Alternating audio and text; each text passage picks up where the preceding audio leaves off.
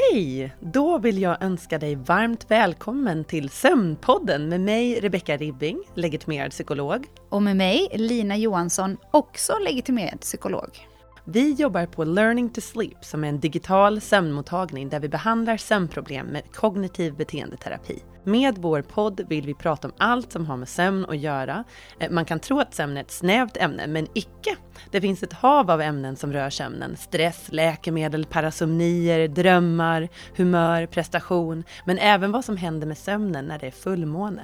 Podden är för alla som vill lära sig mer om sömn.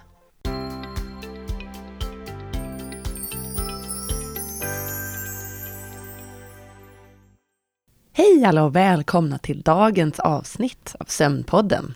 Hej Rebecka! Så kul att vara tillbaka.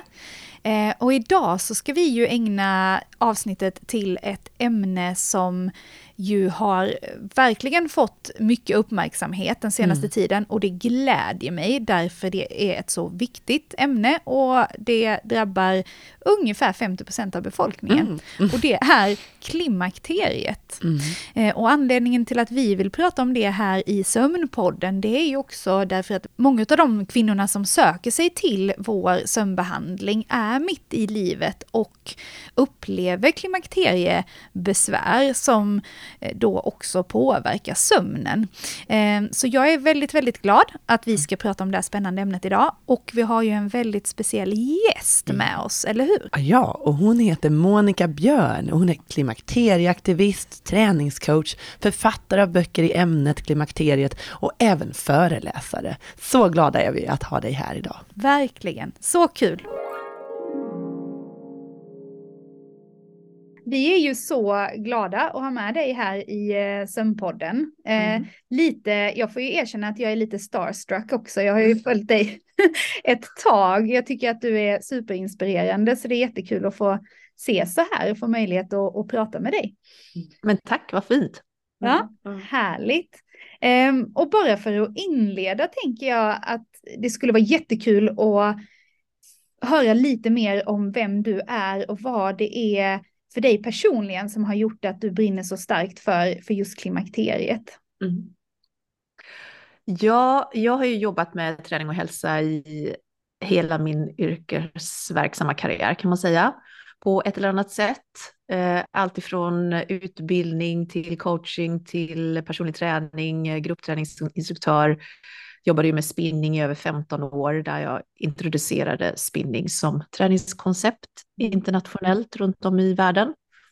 Jag har läst eh, idrottsvetenskap och psykologi, faktiskt även två år på gamla sjukgymnastikprogrammet innan jag insåg att jag ville inte bli sjukgymnast, utan eh, eh, jag ville fortsätta att köra mitt eget företag. Så det har jag gjort. Jag har i stort sett eh, aldrig varit anställd, eh, mm. utan har jobbat ehm, eh, som konsult på olika sätt och eh, verkligen hittat liksom min egen nisch under de här yrkesverksamma åren. Och det var ju när jag hamnade i klimakteriet själv som jag först då började intressera mig för klimakteriet och insåg att alla de här tusentals timmarna som jag har lagt ner på, ut, på, på att bli utbildad, eh, oavsett om det har varit på universitetsnivå eller om det har varit eh, ganska dyra privata utbildningar, så har inte ordet klimakteriet nämnts en enda gång av någon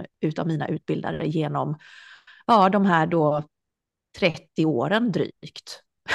Wow! Ja. ja. Egentligen och jag tror inte att min, min eh, berättelse är inte speciellt unik i det. Alltså det spelar ingen roll tror jag vem ni pratar med inom eh, vare sig vi pratar friskvård eller sjukvård så kommer de i stort sett att säga samma sak. Mm. Mm.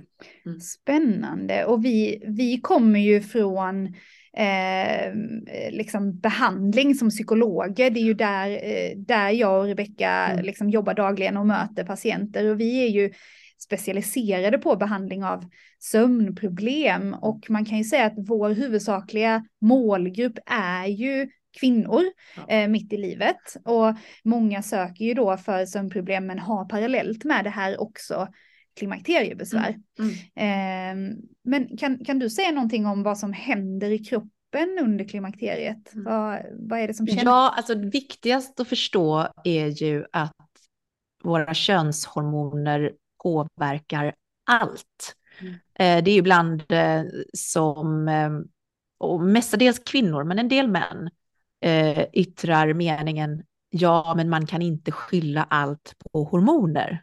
Mm. Yeah. Eller någonting i den stilen. Och då är det ju faktiskt så här att eh, förstår man hur könshormoner påverkar både kroppen och knoppen så är det ju faktiskt så att man kan faktiskt det. Under mm. de här stadierna i livet där vi eh, går igenom eh, hormonella stormar som till exempel puberteten eller under graviditet. Jag brukar säga det på mina föreläsningar att eh, av er kvinnor som sitter i publiken nu så är det säkert många som har varit gravida.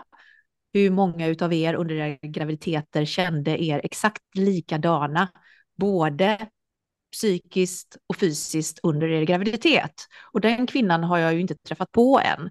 Och precis på samma sätt då som det påverkar oss eh, under klimakteriet. Eh, så det finns egentligen inget system som inte påverkas. Det är nästan enklare att ta det där än att jag sitter och rabblar att vi har, mm. eh, vi har könshormoner ner på, på eh, cellnivå i kroppen, vilket gör att allt, oavsett om vi pratar vävnadssystem, organsystem, hjärnan, fascia, bindväv, skelettmuskulatur, levern, hjärtat, mm. så, så är det lättare att säga att det finns inget som inte påverkas. Mm. Mm. Och, och just sömnen, eh, jag tänker de du föreläser till och de du möter, vad, vad är det, det vanligaste de börjar klaga på sömnen? När, när börjar det? När, ja. Det är väldigt olika. Eh, det, blir, det är ju individuellt såklart när eh, olika symptom och olika typer av problematik uppstår och alla behöver inte få alla typer av symptom och alla behöver inte heller få vad jag kallar medelsvåra eller svåra symptom. Men väldigt, väldigt vanligt då, om vi ska generalisera, är ju att kvinnor redan när de fortfarande är, de kanske inte ens riktigt har glidit in i, i förklimakteriet som vi på svenska lite slarvigt kallar det. Ehm, men när mensen börjar, precis innan mensen kanske börjar uppföra sig mer annorlunda än tidigare, så är det många kvinnor som redan då upplever att de sover sämre under olika delar av menscykeln. Mm. Och då är det inte så att de har eh, insomni eller permanent, permanenta sömnbesvär, utan det kan vara en veckas tid till exempel under menscykeln som de märker att de sover sämre. Och resten av tiden så sover de som vanligt. Eh, och eh, sen är det det vanliga att när man då väl påbörjar sin resa, alltså att man mer eh, regelbundet märker att ens menscykel börjar förändras på ett eller annat sätt, att den perioden av dålig sömn blir längre. Mm. mm. För att till slut glida över i något slags permanent sömnbesvär.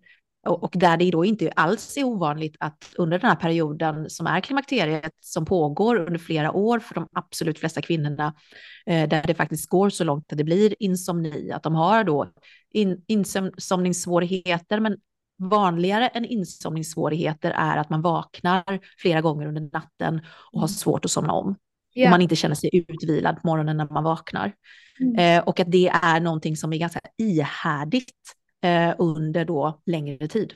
Mm. mm. Mm. Och otroligt slitsamt. Det vet vi ju att liksom gå med ett sömnunderskott är ju också någonting som förvärrar alla de här andra symptomen som kan uppkomma i form av nedstämdhet, eh, stress, eh, oro, ångest. Mm. Det blir ju en negativ spiral av det där. Ehm, och, och det jag har stött på med ganska många kvinnor jag har jobbat med är ju också bekymret som kan uppstå Eh, på längre sikt när, när liksom man inte längre har problem kanske med vallningar och så vidare på, på natten så har man ändå kvar ett sömnproblem för det har blivit en sån felinlärning kring det här med sömnen. Alltså det finns inte längre en positiv koppling till sänggåendet och eh, sömnen utan det finns en sån här så kallad förväntansoro att hur ska det nu bli mm. och kommer jag få sova ordentligt i natt och det där som sagt kan, kan ju etsa sig fast. Så det finns, det finns ju ingen, ingen garanti för att sömnproblemet i sig försvinner bara för att du har liksom blivit av med de värsta klimakteriesymptomen, vilket ju också är mm. problematiskt.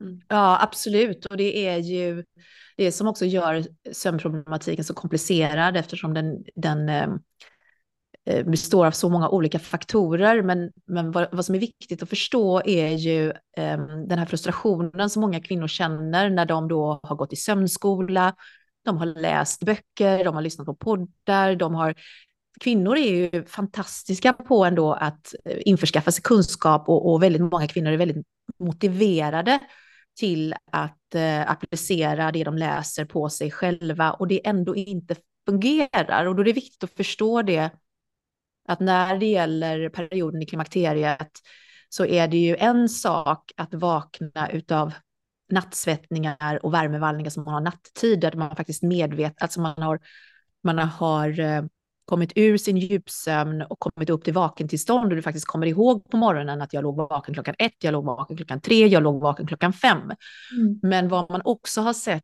med kvinnor i klimakteriet som man då faktiskt har placerat i sömnlaboratorium, eh, där de då har sovit med elektroder på huvudet, är att det störande är att eh, kvinnor kan även ha värmevallningar nattetid som inte är tillräckligt starka för att dra oss upp till ytan av vakenhet, men de är tillräckligt eh, störande för hjärnan att man inte får tillräckligt med djupsömn.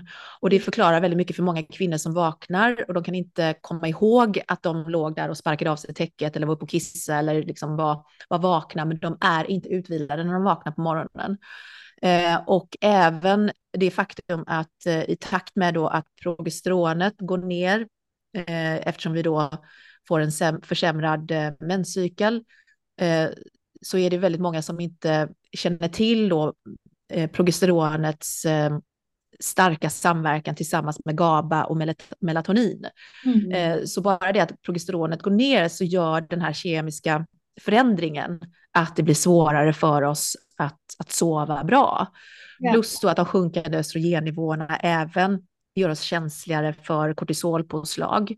Så vi blir också känsligare för saker som händer under natten. Det kan vara ljud, det kan vara ljus, det kan vara andra saker liksom som stör oss under, under, eh, under natten. Och så lägger vi då på den här psykologiska aspekten att, att sömn då har blivit någonting negativt. Så att det är så många olika saker som påverkar, självklart inte bara en. Och det är ju dessutom så att dålig sömn under längre tid kommer då även att förvärra andra typer av klimakteriesymptom som är symptom ensamt i sig, men som förvärras av att vi inte sover. Och det kan vara humörsvängningarna, det kan vara hjärndimman, vi vet att vi får kognitiv påverkan efter bara några dygn av dålig sömn. Ja. Vi vet att det stör eh, utsöndringen av hunger och mättnadshormon, vilket gör då att vi har en tendens till att överäta och välja då andra livsmedel än vad vi, vi kanske hade gjort om vi var utvilade och så vidare och så vidare. Så att det är ju så mycket annat då som, som blir påverkat just på grund av att vi, vi får, de absolut flesta av oss får någon typ av sömnpåverkan. Ja. Och jag tycker att det är väldigt intressant och en bra poäng du gör där, att det behöver ju inte nödvändigtvis vara så då att det är just så att säga antalet sömntimmar som påverkas i form av insomningssvårigheter eller att man ligger vaken utan att det är den så kallade sömnkvaliteten då mm. på grund av en, en sömnstruktur där, vi, där, där man får mindre djupsömn som också kan orsaka ett sömnunderskott och en känsla av att inte bli utvilad och det är ju viktigt att ha med sig. Det är något som vi predikar ja. hela tiden det där att när vi pratar sömn så handlar det ju främst om kvaliteten på den sömnen vi får snarare än det totala antalet tim timmar då. Mm. Jag är så intresserad för just det här med att du föreläser om klimakteriet och du verkligen brinner för det här och klimakterieaktivist. Eh, och jag, jag tänker, vad, vad, är det för behandlingar? Nu med all den erfarenheten du har och har mött kvinnor i den här liksom, eh, ja, fasen i livet, vad finns det för behandlingar som de erbjuds och ja, vi kvinnor erbjuds när man går igenom klimakteriet? Ja, där är ju ett stort kunskapsglapp i, inom sjukvården så att eh, tyvärr är det ju så att det är väldigt beroende på var man som kvinna bor. Delvis var man bor och vad man har tur eller otur oturen att hamna hos för eh, klinik när man väl då söker hjälp. Så att det är, det är ju som det ser ut just nu eh, absolut inte jämlikt på något sätt, utan har du oturen då att bo i ett mindre samhälle långt ifrån en större stad, då kan det vara eh, nästan, inte omöjligt, men väldigt ofta att man som kvinna behöver ta strid då för att få någon typ av behandling överhuvudtaget, vilket är helt obegripligt 2022. När vi då vet eh, evidensbaserat, eh, och det finns tillräckligt med forskningsunderlag, att det absolut mest effektiva gentemot eh, eh klimakteriesymptom som påverkar, påverkar ens livskvalitet är hormonbehandling. Ja. Eh, men inte bara det att det kan vara svårt då beroende på var man bor att få tag i hormonbehandling. Vi har väldigt sällan möjligheten att eh, själva påverka vilken hormonbehandling vi får. Där när man tittar på sömnproblematik, vi vet att bioidentiskt progesteron till exempel då hjälper till att få både bättre sömnkvalitet, bättre insomning eh, och att man känner sig då såklart mer utvilad när man vaknar på morgonen. Ehm, och eh, den påverkan har då inte gestagen på hjärnan på samma sätt som bioidentiskt progesteron har. Ehm, men idag är det ju lättare att råna en 7-Eleven än få, ett, eh, få ut ett recept på bioidentiskt progesteron. Och det är ju helt ofattbart att det ska behöva vara på det viset. Ehm, samtidigt vill jag säga det att, att eh, jag försöker bara vara tydlig i det att, att jag, talar inte, jag, jag talar inte om vad som nödvändigtvis är bättre för en enskild kvinna. Har hon en hormonspiral och det funkar jättebra för henne, ja men då kan hon ha kvar den och så kan hon få bioidentiskt östrogen som tas genom huden utskrivet av sin läkare på vårdcentralen eller då utav en, utav en gynekolog. Men i det stora hela så är det så att det är hormonbehandling eller vad jag väljer att kalla det hormonersättning som är den absolut mest effektiva behandlingen när det gäller klimakteriebesvär. Det kommer åt mer än 90 procent av symptomen eh, och för absoluta majoriteten av kvinnor. Eh, så att eh, det går liksom inte att komma runt det. Att, eh, för, för, att om, om, vi tittar på bioidentisk hormonbehandling, eh, bioidentiskt östrogen och bioidentiskt progesteron, så vad det gör är ju att ersätta hormoner i kroppen som kroppen inte längre kan producera själv. Och det är också väldigt viktigt att förstå den särskiljningen gentemot eh, hormonellt drivna preventivmedel till exempel, där vi tillsätter någonting för att störa någonting som finns naturligt i kvinnokroppen, det vill säga menscykeln. Och det är ju jättebra att den möjligheten finns för oss kvinnor, att vi själva kan påverka om vi vill bli gravida eller inte vill bli gravida. Ehm, medan då när vi är i klimakteriet då och eh, om vi då eh, ersätter den med vad som kallas för bioidentiska hormoner, vilket då innebär att molekylstrukturen på de hormonerna vi tar är identiska med de hormoner som kroppen kan producera själv. Då ersätter vi någonting som inte kroppen längre kan producera längre. Ehm, och förutom eh, hormonbehandling då, så finns det ju självklart saker man kan göra i sin livsstil. Uh, och det hade jag liksom kunnat prata om hur länge som helst. men men uh, i, just i relation till, till sömn så vet vi det till exempel. Det finns studier gjorda till exempel på kvinnor som inte hade styrketränat tidigare. De började styrketräna, de styrketränade tre gånger i veckan, 15 veckor i sträck. Och en utav då de parametrarna i QOL, i quality of life, var att de upplevde att de fick förbättrad sömn till exempel. Så självklart det här med vardagsmotion, med träning. Eh, jag är säker på att ni har presenterat mängder med bra interventioner och, och sätt då att agera på eh, för att ha så bra sömnhygien som möjligt. Säkert även pratat om olika typer av faktiskt tillskott som finns och som vissa kvinnor då faktiskt upplever att det, att det hjälper dem.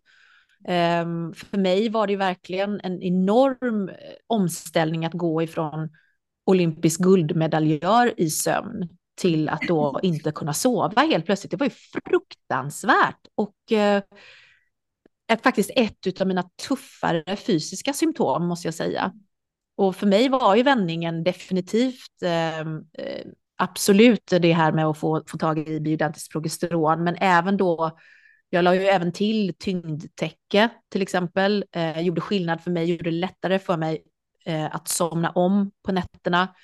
Eh, jag började med mun muntejpning för några år sedan och där fick jag ju liksom kvitto direkt, svart på vitt, att min djupsömn gick ju då ifrån 16 procent per natt till eh, konstant över 20 procent per natt. Eh, och det har ni säkert också pratat om, att de här kommersiella hjälpmedlen som finns på marknaden, oavsett om det är ringar eller armband eller klockor, olika appar av olika slag, vi vet ju att de, de är ju inte korrekta i att mäta sömn. Alltså då behöver man ju åka in på ett, och ligga och sova i ett sömnlaboratorium. Men för mig är de redskapen bra för att jag kan jämföra mina egna värden med mig själv. Det ja. innebär att gör jag en intervention så kan jag se ändå, blir det en förbättring, är det samma eller blir det en försämring till och med? Ja. Mm, och det är jättebra att ha den basmätningen på sig själv, att det är en, ett verktyg. Exakt. Eh, och jag tänkte fråga även när vi pratar om de här grupperna, kvinnor, många kvinnor då hjälps av hormonersättningsterapier, men, men för de kvinnor som inte kan ta det, då, då, vad, vad, vad kan de göra med eh, sina besvär under klimakteriet? Det finns väl vissa grupper som... Ja, det gör det och framförallt är det kvinnor med tidigare hormondriven bröstcancer. Eh, och då brukar jag säga så här att att eh, det är absolut ingen garanti till ett långt, lyckligt och tillfredsställt liv bara för att man tar hormonbehandling. Eh, precis på samma sätt som det är absolut inte så att man är liksom dömd till att ha en sämre livskvalitet om man inte kan eller får ta eh, eller inte vill ta hormoner. Däremot om man inte, om man gör det valet eller inte får ta hormoner, då är valen i livsstilen mycket snävare. Mm. Du kommer undan med mindre saker. Och med det menar jag att det är ännu viktigare att du mm. har en ganska strikt sömnrutin. Att du verkligen är noggrann med att du till exempel går och lägger dig och stiger upp inom 30 minuter, eh, oavsett eh, om det är eh, vardag eller helg. Eh, det är verkligen så att du kan inte komma och säga att du har sömnbesvär om du dricker någon som helst alkohol mm. eller om du dricker kaffe efter klockan 12 på dagen. Alltså då har du inte gjort, vad ska vi säga, och då vill jag inte skuldbelägga de kvinnorna, men det är viktigt att förstå det, att du kan inte ha sömnbesvär och fortsätta dricka alkohol, eller du kan inte ha sömnbesvär och fortsätta dricka kaffe sent, för de två faktorerna kommer att påverka din sömn rejält. Och ännu mer med ålder, eftersom det blir svårare för oss att bryta ner både alkoholen och även eh, för de absolut flesta även eh, koffeinet. Och många kvinnor kan vittna om det, att de känner sig känsligare både då på, på båda de här två substanserna. Och sen blir det också mycket viktigare med eh, rörelse, aktivitet och träning. Helt enkelt då att man har eh, rört på sig, att man har vistats ute i dagsljus. Jag skulle säga att, att tillhör man den här gruppen då och har sömnbesvär, då är det verkligen att masa sig ut så fort solen har gått upp. Få, se till att man får solljus i ögonen det första man gör på morgonen, gärna uppemot 30 minuter och ännu bättre om det är förknippat med en promenad i naturen. Eh, och sen då se till då att man äter en balanserad näringsrik kost och så vidare. Alla de här sakerna egentligen som vi vet att främjar en bättre hälsa rent generellt och allmänt. Och skillnaden då är att en kvinna då på hormonbehandling har lite, jag brukar säga det, jag brukar dra den likheten att en kvinna som tar hormoner, eh, hon har en väg genom livet ifrån där hon är fram till döden. Och den vägen råkar vara lite bredare än den vägen en kvinna har som också då är där hon är och har en väg fram till döden. Och den vägen är lite smalare och det innebär då att man behöver vara lite noggranna med att ställa in hjulinställningen på bilen för att du kan inte slira ner i diket lika. Du har liksom mindre väg att köra på om du inte tar hormoner.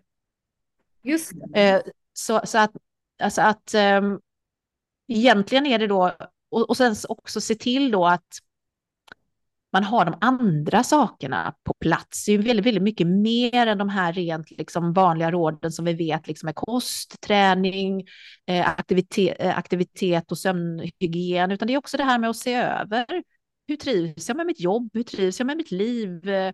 Får jag liksom stimulans? Eh, blir jag sedd? Har jag liksom en, en, en god social närvaro med de nära och kära och vänner som jag har? Så att man på så sätt också ser över andra saker i livet som mm. också spelar roll och som också kan då som också kan orsaka liksom underliggande stress som, som i förlängningen också påverkar sömnen. Och, och jag har liksom fullständig ödmjukhet inför det faktum att, att många kvinnor kanske inte har den möjligheten. Man kanske kämpar med barn som, som mår dåligt hemma, barn eller tonåringar. Man kanske har sjuka åldrande föräldrar och det är andra saker som gör som man inte kanske direkt kan påverka själv. Eh, och, och mm, det är inte himla lätt då att eh, så att jag vill liksom inte sitta heller och låta klämkäck, så här lätt är det att fixa detta. Det är inte alltid lätt. Mm. Um, och jag skulle vilja slå ett slag för det eh, som, som, faktiskt också är viktigt att skicka ut som ett, som ett budskap och det är ju att eh, Eh, har du fått en behandling eller står på en, på en, en hormonbehandling och du har ett så att säga inlärt eh, beteende kring sömnen som är problematiskt och där det finns en förväntansoro och där mm. eh, sömnproblemet kvarstår men är av mer psykologisk karaktär så att säga. Vi pratar ju ofta om en felinlärning mm. inom KBT som, som vi var inne på tidigare, att sängen har blivit förknippad med annat än sömn helt enkelt. Då vet vi ju att en KBT-behandling, som är det jag och Rebecka mm. jobbar med till vardags, är eh, ett bra alternativ och, och, väldigt effektivt för den här gruppen då. Eh, och, och där ser ju vi dagligen att de här kvinnorna som vi lyckas hjälpa till en bättre sömn eh, beskriver ju främst då att livskvaliteten ökar. Alltså det är egentligen inte så att säga, man pratar inte efter behandlingen om att jag är så glad att jag får sova så många timmar Nej. eller jag är så glad att jag får sova så här mycket djupare, utan jag är så glad att jag funkar i mitt liv. Mina mm. relationer funkar bättre. Jag känner mig som en bättre partner och en bättre mamma och jag, jag, jag presterar bättre på jobbet. Och eh, det är ju de här delarna som är så viktiga för oss, att vi får känna att livet som helhet funkar helt enkelt.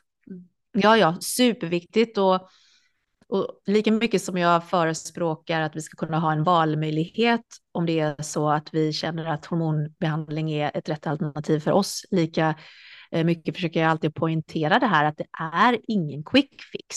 Det är Nej. inte så att allting annat i livet helt plötsligt magiskt kommer falla på plats bara för att man tar hormoner, utan det är ett hjälpmedel på vägen och det kan vara ett hjälpmedel på så sätt att det också hjälper oss att ta tag i de saker som skaver eller de saker som inte har fungerat hittills. Eh, så det är ju jätteviktigt att verkligen förstå det oavsett om vi pratar liksom sömnen eller träningen eller kosten eller lära sig att säga nej eller byta jobb eller vad det nu än må vara. Ja. Vi säger ju samma sak om KBT-behandling. CBT is not a quick fix. Därför det, det tar tid, det tar mycket. Ja. Det krävs motivation att göra en, en mm. omfattande ja. beteendeförändring. Och egentligen är ju allt det vi har varit inne på nu med att sätta de här mm. eh, goda rutinerna. Det kräver ju motivation och vi Eh, vi vet ju alla som, som jobbar med människor på ett sätt där vi ska liksom coacha dem och motivera dem till att göra en beteendeförändring, att det inte är lätt. Mm. Eh, vi brukar skoja om det, jag och Rebecka, alltså, vi hade inte haft ett jobb om det var lätt Nej. att göra en beteendeförändring. Men det går, det går. Och, och, med rätt ja. stöttning eh, så, så vet vi ju att det, som sagt, det går att hjälpa människor till en, eh, en rejäl och, ja. förändring. Ja, ja. ja exakt. Och jag är nyfiken på om ni fick lära er någonting på klimakteriet under alla era utbildningar? Inte Nej. Nej, Nej, faktiskt. Det, är det, det, var, det var inne i den här frågan som jag var intresserad av. Därför forskningen, man vet ju det att många av eh, områdena som berör kvinnor och kvinnors hälsa har varit ganska negligerat. Eh, både med förlossning, menstruation, PMS, men då även klimakteriet. Eh, och jag tänkte fråga dig just, finns det någon spännande ny forskning? Är det någon som är på mer framkant nu i det här området? För som sagt, vi har ju, hade ju ingenting under vårt program som psykologer. Inte under psykologutbildningen Nej. kan jag inte minnas Nej. att klimakteriet nämndes en Nej. enda gång. Men Rebecka, du är ju faktiskt också sjuksköterska i ja, grund och botten. Det var ju mer eh, ja. där, ja. Men det var ju, det var menstruation och det var klimakteriet och vi lärde oss ändå liksom om allt det. Men, men det var ju också sjuksköterska. Så att, men jag tycker psykolog är ju väldigt viktigt med tanke på hur mycket problem, både psykiska problem man kan få, men de somatiska som hänger ihop eh, just i klimakteriet det är ju viktigt för oss psykologer också. Mm. Ja, eller hur? Ja, alltså det finns ju forskning, men det finns ju eh, förvånansvärt eh, lite forskning med tanke på att det är någonting som hälften av jordens befolkning faktiskt kommer gå igenom förr eller senare. Och det vet man ju om man, de som har följt mig ett tag är ju att jag är jag är väldigt kritisk mot hur systemet ser ut idag och eh, försöker också vara noggrann med att poängtera att det är ett systemfel. Det är inte en enskild läkare eller gynekologs fel att de inte är eh, Eh, pålästa eller uppdaterade, utan, utan tittar man på vad som rent krast ingår i läkarutbildningen idag under de tre veckorna som man läser gynekologi och obstetrik, så lär man sig att klimakteriet är en fas när en kvinna går ifrån sin fertila period till att inte längre kunna föda barn. Eh, tittar man på eh, studentlitteraturen som finns då kring klimakteriet så står det väldigt tydligt där att eh, att den här gamla kunskapen att det finns en förhöjd risk för bröstcancer med hormonbehandling och att SSRI ses som ett fullgott alternativ till att ta hormoner. Så att, så att hela systemet är ju felaktigt. Mm. För tittar man sen då på vad specialistläkarna lär sig så ingår inte det någon obligatorisk undervisning kring olika hormonersättningsmodeller eller dosering av denna, vilket då gör att det är fortsatt svårt då att få något annat alternativ än på många ställen än tabletter utskrivna. Trots att mångårig forskning visar att östrogen taget oralt ger en ökad risk för blodpropp, precis som p-piller gör, vilket vi också vet sedan länge. Medan vi då också då vet att östrogen som tas genom huden ger ingen ökad risk för blodpropp. Och ändå envisas man då med att skriva ut östrogen i tablettform på väldigt många sjukhus och vårdinrättningar. Eh, och, och, och, i det så vill jag också säga att jag, jag vet ju och jag är väl medveten om att det är att kasta sten i glashus. För tittar vi då till exempel då på andra yrken som psykologer eller som personliga tränare eller fysioterapeuter eller yogalärare eller naprapater och så vidare så är det ju inte så att, att de yrkeskategorierna har mer kunskap. Eh, jag tycker att något exempel på, på några olika väldigt spännande nya forskningsområden det är en eh, kvinnlig forskare i New York, Lisa Mosconi, som har kommit ganska långt med att forska på östrogenets påverkan på eh, att förhindra Alzheimers och demenssjukdom till exempel. Där hon eh, nu bara det senaste året har publicerat ny forskning som, som då faktiskt visar det som, som eh, man har misstänkt då, men inte kunnat bevisa tidigare. Och det är att den kvinnliga hjärnan omstruktureras under klimakteriet. Så i det här med den berömda hjärndimman som många kvinnor upplever, där man då eh, tror faktiskt att man håller på att bli förtidsdement för att man tappar ord, man tappar namn, eh, man får försämrat minne, man får försämrade, försämrad kognitiv, eh, kognitiva funktioner, både då i koncentration och inlärning förutom minnesfunktionen, eh, så har, man, så har då Lisa kunnat visa det att jo, och det är för att hjärnan då kommer att ändra sin funktion under de här åren. Och den kommer hitta andra vägar och andra nervbanor. Eh, så att hjärnan då när man har eh, gjort olika images av hjärnan under olika typer av experiment så har man sett att det är olika delar av hjärnan som lyses upp innan klimakteriet och efter klimakteriet. Vilket då också förklarar varför många kvinnor upplever det som att den värsta delen av hjärndimman lägger sig några år efter genomgången menopaus. Men hon har också varit väldigt stark förespråkare kring att så som det ser ut idag så rekommenderas det då att ska man påbörja eh, hormonbehandling så ska man påbörja hormonbehandling under tiden symptomen är aktuella. Gör man det, då har man ett visst skydd och löper något mindre risk då att Alzheimers utvecklas. Så vi vet att Alzheimers är ju en sjukdom som tar väldigt lång tid på sig eh, att, eh, att utvecklas. Och eh, teorin är då att, att eh, själva hjärnförfallet startar och accelererar under klimakteriet för att sen då inte ge de första synliga tecknen på många kvinnor förrän ganska många år efter genomgången med paus. Mm. Så det är superintressant. Jag följer henne noggrant och hennes forskning noggrant. Wow, och mm. jag tänker att det här är ju superspännande och jag, jag sitter ju här nu och funderar på om, om just liksom sömnbrist och den förändrade sömnstrukturen kan vara en drivande faktor i det här. För vi vet ju också att eh, det finns en koppling mellan eh, långvarig eh, sömnbrist och eh, Alzheimers. Ehm, så... Eller hur? Mm. Precis så. Eh, och just också när man tittar på den insomniforskning som finns och man ser då väldigt tydligt att eh, kvinnor 70 plus, där är det fortfarande över hälften som uppger att de har sömnproblem. Ja. Eh, så för, för fler än hälften så finns den här problematiken kvar. Och, eh, och jag har vissa egna teorier av det jag har läst, både då om jag tar eh, liksom studier ifrån insomniforskningen, Alzheimerforskningen, eh, forskning som har gjorts då på hormonbehandlade kvinnor kontra icke hormonbehandlade kvinnor. Men än så länge så är själva fältet så nytt och får så pass lite pengar i forskningsanslag att det kommer dröja minst ett decennium till, om inte mer, förrän alla de här fälten liksom kan mötas och vi med säkerhet eh, kan säga det som många av oss misstänker idag. Idag ja. finns det inte tillräckligt mycket forskning för att backa upp det, men alla vi som jobbar inom liksom, området kvinnohälsa och, och gillar liksom att och söka på ny forskning kan ändå se yeah. vissa te tydliga tecken vad som hänger ihop eller inte. Eh, men sen det återstår ju att se då om det eh, faktiskt är så att eh, det kommer bli mer intressant att forska på kvinnor i framtiden än vad det är just nu, för att just nu är det ju bedrövligt.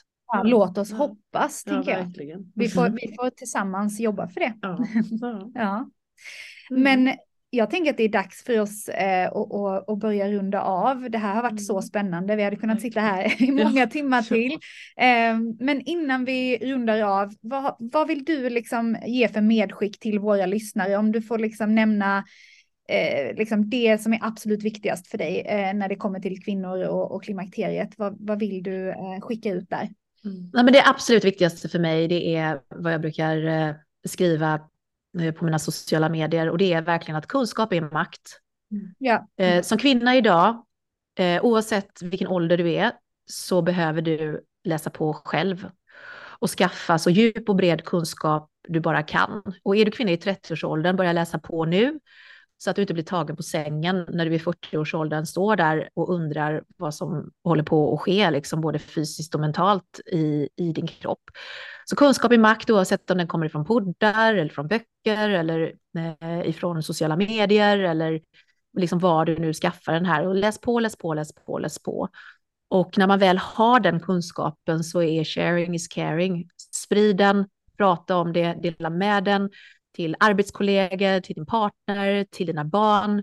Eh, så att vi har en möjlighet att få en ung generation av kvinnor som växer upp och har bra mycket mer kunskap än vad vi hade eh, när vi liksom kom i 30, 40 och 50 års åldern. Ja, mm. vad bra jag, jag hade själv ett långt samtal med min mamma i helgen om, om hur hon upplevde klimakteriet och det var så värdefullt för mig. Mm. För att just det faktum att vi skulle spela in det här poddavsnittet fick mig att, att inse att jag faktiskt inte ens pratat med min egen mamma om det här djupgående. Jag vet ju att hon har gått igenom det och eh, periodvis haft det tufft och så, men vi hade ett, liksom en två timmars diskussion om det här och det för mig var, var jätteviktigt. Så det, det är också någonting där, det finns ju en massa kvinnor i, i vår närhet som man kan prata med det här om. Mm. Ja, det är superbra och än så länge, än, jag säger än så länge för det kan ju komma att ändras när man förhoppningsvis då forskar mer, men än så länge så säger man ju att en av de få faktorerna som man har sett då att det finns en korrelation mellan det är ju just eh, mamma-dotter. Att eh, fick, en, en mam, fick ens mamma ett lättare klimakterie, då är det större chans att även dottern får det och då tyvärr även tvärtom. Och kommer hon sent till klimakteriet, då finns det en viss större genetisk chans, risk att man själv kommer tidigare eller då senare beroende på när ens mamma gick in i klimakteriet. Så det är jättevärdefullt om man kan ha den eh, konversationen. Mm. Verkligen. Ja, för mig var det så, så mm. värdefullt. Mm. Ja. Härligt. Men tusen, tusen tack Monica för att du tog dig tid. Ja. Så eh, viktigt och jag är helt övertygad om att våra lyssnare kommer ja, eh, få, det här få mycket otroligt mycket, eh, mm. det här avsnittet. Mm. Verkligen. Så, så tack snälla ni.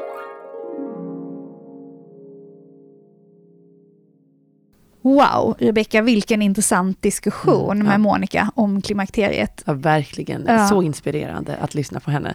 Hon borde vara här och föreläsa för oss i en vecka, känns det. Ja, exakt. Jag känner alla behöver lite mer Monica i sitt mm, liv, helt mm. enkelt. Vilken eh, otroligt kompetent kvinna. Ja. Så, så kul. Um, men du, vi ses ju igen nästa vecka. Mm, det gör vi. Då med mm. ännu mer spännande information för oss, eller för er lyssnare. Och för oss. Precis. Ha det bra Rebecka. Detsamma. Hej hej. Ciao ciao.